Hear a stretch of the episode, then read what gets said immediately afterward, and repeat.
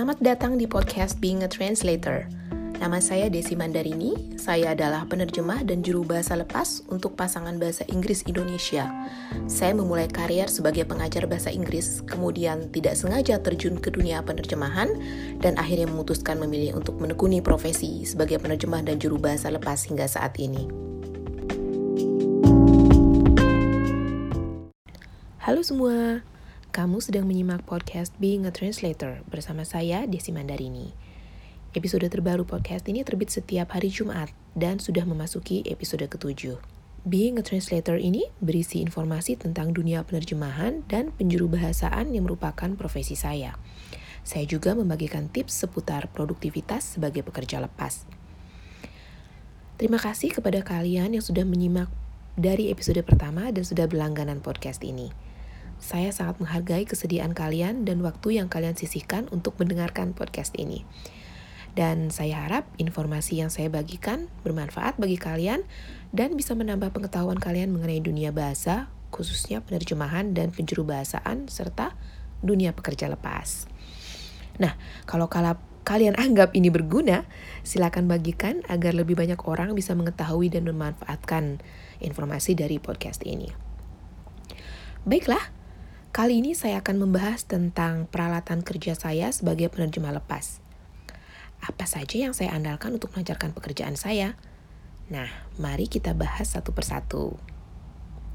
Pertama, hal yang wajib dimiliki tentu saja adalah komputer beserta semua aplikasi dasar seperti word processor atau pengolah data, eh, aplikasi untuk membuka file PDF, dan lain sebagainya.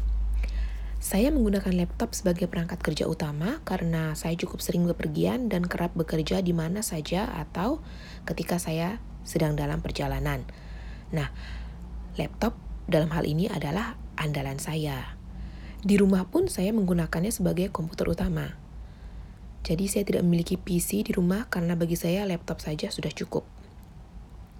Keringkasan dan kemudahan membawa laptop ke mana-mana sangat sesuai dengan sifat pekerjaan, dan pergerakan sehari-hari saya sebagai pekerja lepas. Saya tidak perlu menyebut merek ya di sini. Jadi saya juga melengkapi laptop saya dengan mouse atau tetikus dan papan ketik Bluetooth. Nah, selain komputer, bisa laptop, PC sesuai kebutuhan dan keinginan kita saya juga memastikan agar ruang kerja ya saya agar saya memiliki ruang kerja untuk bekerja dengan nyaman. Jadi ruang kerja juga merupakan salah satu andalan saya untuk memperlancar pekerjaan saya sebagai penerjemah. Ruang kerja bagi saya harus bersih, rapi, tapi tidak harus besar dan mewah. Jadi ruang kerja bisa diletakkan di mana saja. Yang penting nyaman untuk kita gunakan bekerja. Bagi saya, ruang kerja saya hanya berukuran tidak terlalu besar. Jadi saya menggunakan satu pojok, satu ruangan sebagai tempat saya mengerjakan proyek penerjemahan, dan pengerjaan tugas administrasi lainnya. Selanjutnya, selain ruang kerja, saya juga memiliki kursi dan meja kerja yang nyaman dan sifatnya ergonomis. Kalau kita bahas tentang kursi dan meja kerja dari segi merek, eh, bahan dan lain sebagainya akan memakan waktu yang sangat panjang. Dan ini semua bergantung pada diri orang masing-masing. Jadi, kita tidak bisa menentukan kursi merek A akan bagus dan cocok digunakan oleh si B misalnya. Karena ini semua tergantung pada pilihan pribadi. Yang penting adalah kita memiliki kita menggunakan kursi dan meja kerja yang nyaman untuk digunakan duduk bekerja dalam jangka waktu tertentu. Seperti kalian tahu ya, penerjemah umumnya banyak kebanyakan bekerja di depan komputer dan menghabiskan sebagian besar waktu bekerjanya ya untuk dengan duduk di depan komputer. Baiklah, setelah komputer, ruang kerja beserta kursi dan meja kerja yang nyaman dan ergonomis, selanjutnya alat andalan saya untuk bekerja sebagai penerjemah adalah ruang penyimpanan di cloud atau cloud storage. Nah, ada banyak sekali uh, jenis penyimpanan cloud yang ada saat ini, dan ini sangat membantu kita untuk mengakses semua berkas atau file kerja yang saya miliki dari mana saja. Misalnya saya ingin melihat dengan cepat melihat suatu file melalui ponsel saya, saya bisa melakukan itu karena saya sudah memasang aplikasi penyimpanan cloud tadi di ponsel saya. Begitu juga ketika saya ingin uh, mengirimkan email atau mengirimkan pekerjaan ya pekerjaan penerjemahan uh, kepada klien saya tidak perlu mengandalkan harus membuka laptop saya untuk uh, melihat dan melampirkan dokumen yang harus saya kirimkan. Saya bisa melakukannya dari ponsel saya. Jadi, penyimpanan cloud ini sangat membantu saya dalam mengakses, menyimpan semua berkas yang saya miliki, khususnya yang terkait dengan pekerjaan.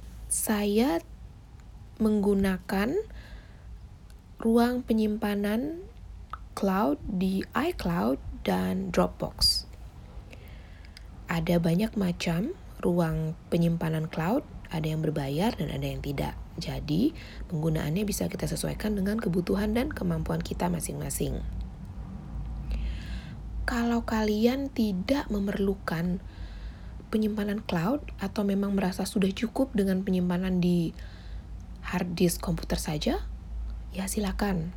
Jadi, saya tidak menyarankan kalian untuk berpindah menggunakan ruang penyimpanan cloud ya. Jadi, ini hanya pilihan saya pribadi untuk memudahkan dan melancarkan pekerjaan saya. Baik, kita lanjut ke alat selanjutnya yaitu CAT tool atau Computer Assisted Translation Tool. Saya memandang perlu untuk menggunakan CAT tool dan dalam hal ini saya menggunakan uh, yang namanya WordFast. Saya memandangnya perlu karena CAT memiliki banyak fitur yang bisa membantu saya menjaga konsistensi penerjemahan dan penggunaan istilah. Saya juga bisa membuat daftar istilah saya sendiri dan membuat translation memory sehingga ketika saya mengerjakan proyek penerjemahan lain yang topiknya sama atau bahannya serupa, saya sudah memiliki daftar istilah yang bisa saya yang bisa saya gunakan untuk membantu kelancaran proses penerjemahan. Sekali lagi, tool adalah tidak wajib kalau kalian merasa kalian sudah mampu membeli Ketul, karena sebagian besar Ketul e, berbayar ya. Jadi kalau kalian merasa mampu dan memang sangat memerlukan Ketul untuk melakukan pekerjaan penerjemahan, ada baiknya kalian membeli lisensi penggunaan Ketul tadi. Selain WordFast yang saya gunakan ada macam-macam ya. Jenisnya seperti Trados, um, MemoQ, MemSource, kemudian ada SmartLink, WordBee, dan lain sebagainya. Ada banyak. Selain Cat Tool, alat andalan saya lainnya untuk menerjemahkan adalah aplikasi pencatat di laptop dan ponsel. Atau terkadang saya juga menggunakan buku catatan.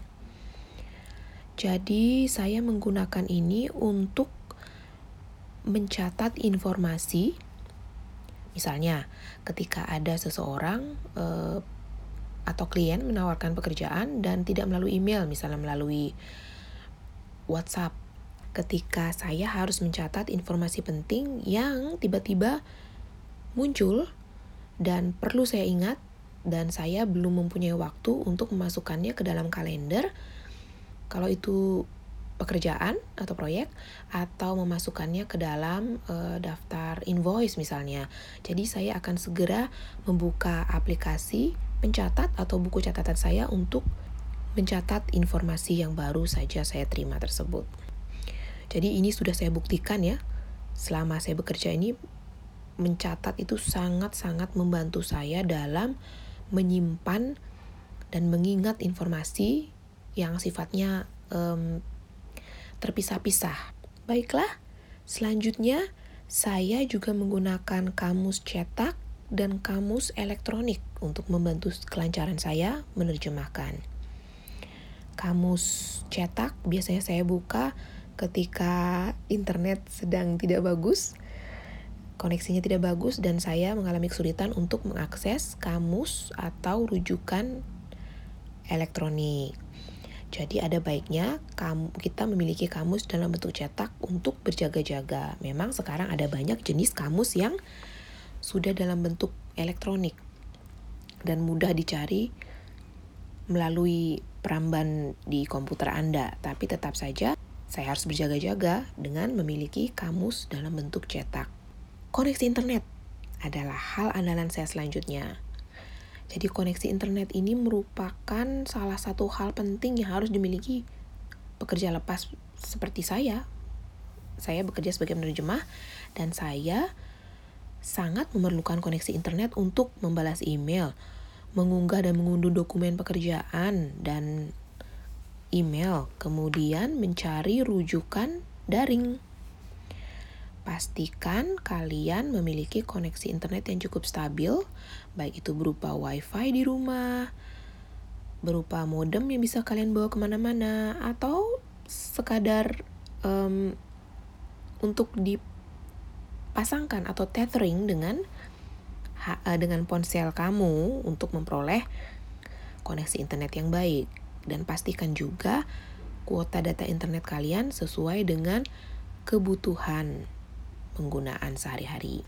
Untuk saya, saya menggunakan koneksi internet e, melalui WiFi di rumah, jadi koneksi internet kabel. Sedangkan untuk di perjalanan, saya memiliki modem yang bisa saya gunakan untuk mendapat koneksi internet ketika saya sedang tidak berada di rumah.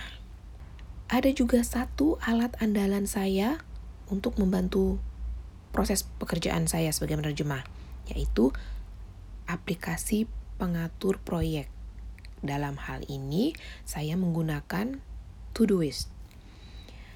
Kalian bisa memilih aplikasi apa saja, bisa menggunakan Evernote, bisa menggunakan Asana.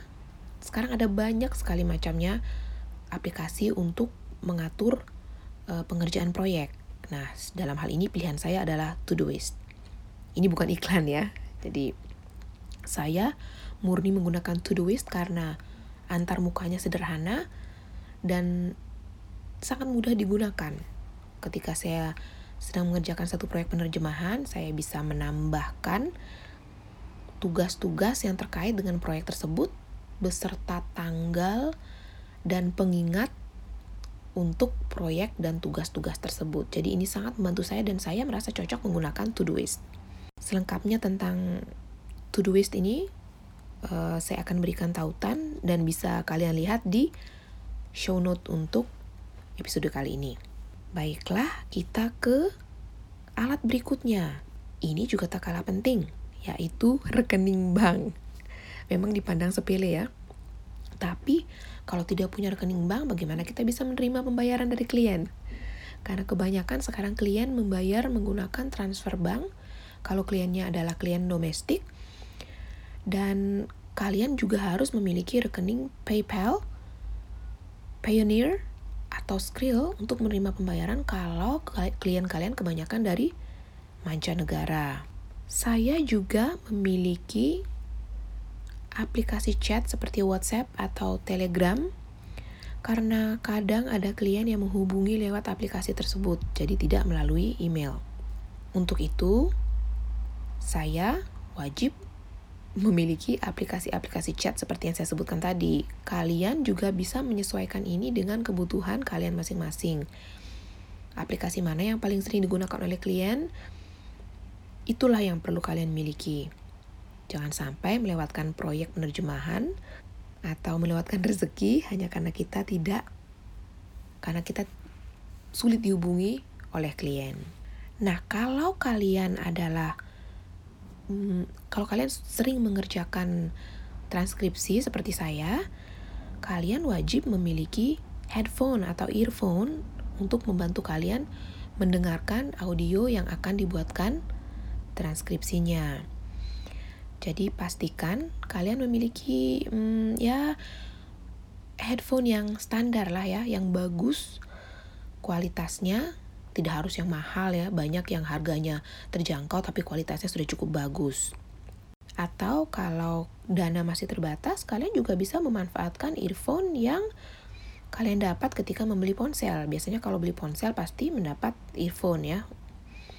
Nah, itu saja cukup untuk kalian gunakan jika kalian sering mengerjakan pekerjaan transkripsi. Hmm, apalagi ya? Untuk bagi saya, eh, sepertinya alat-alat penunjang pekerjaan saya sebagai penerjemah itu saja.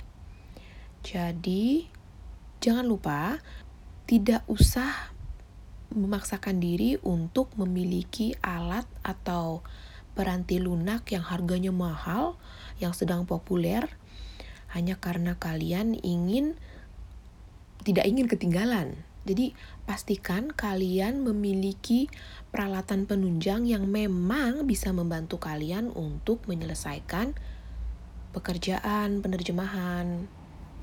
Jadi, bukan semata-mata mengikuti tren atau merasa wajib memiliki ini karena nantinya akan menghasilkan sesuatu yang bagus. Ya, kalau memang itu tujuannya dan terbukti, maka tidak ada salahnya kalau ada dana dan kemampuan mendukung, kalian bisa membeli peralatan atau peranti lunak yang memang harganya cukup mahal. Itu saja uh, pesan saya.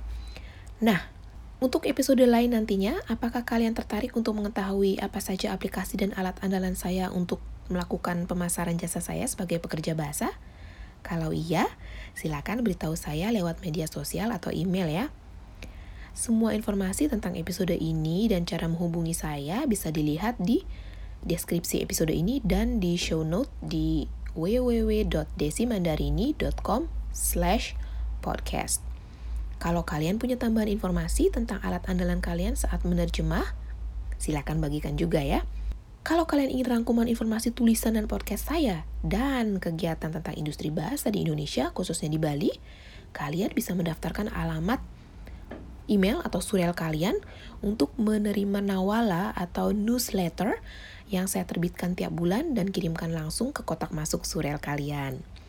Jadi setiap bulan akan ada bonus juga unduhan PDF untuk kalian yang isinya bervariasi dan masih seputar bekerja lepas dan produktivitas seperti daftar tips bekerja secara produktif, template untuk um, agenda, untuk kalian manfaatkan sebagai pekerja lepas untuk mengatur waktu sehari-hari, hingga daftar artikel, laman, dan podcast yang bermanfaat bagi kalian dan bisa kalian gunakan sebagai rujukan silakan buka www.desimandarini.com slash newsletter untuk mendaftarkan alamat surel kalian.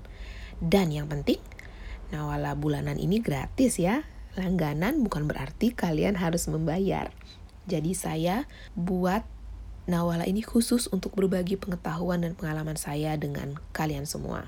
Sekian dulu untuk episode kali ini ya. Tetap produktif dan salam sukses.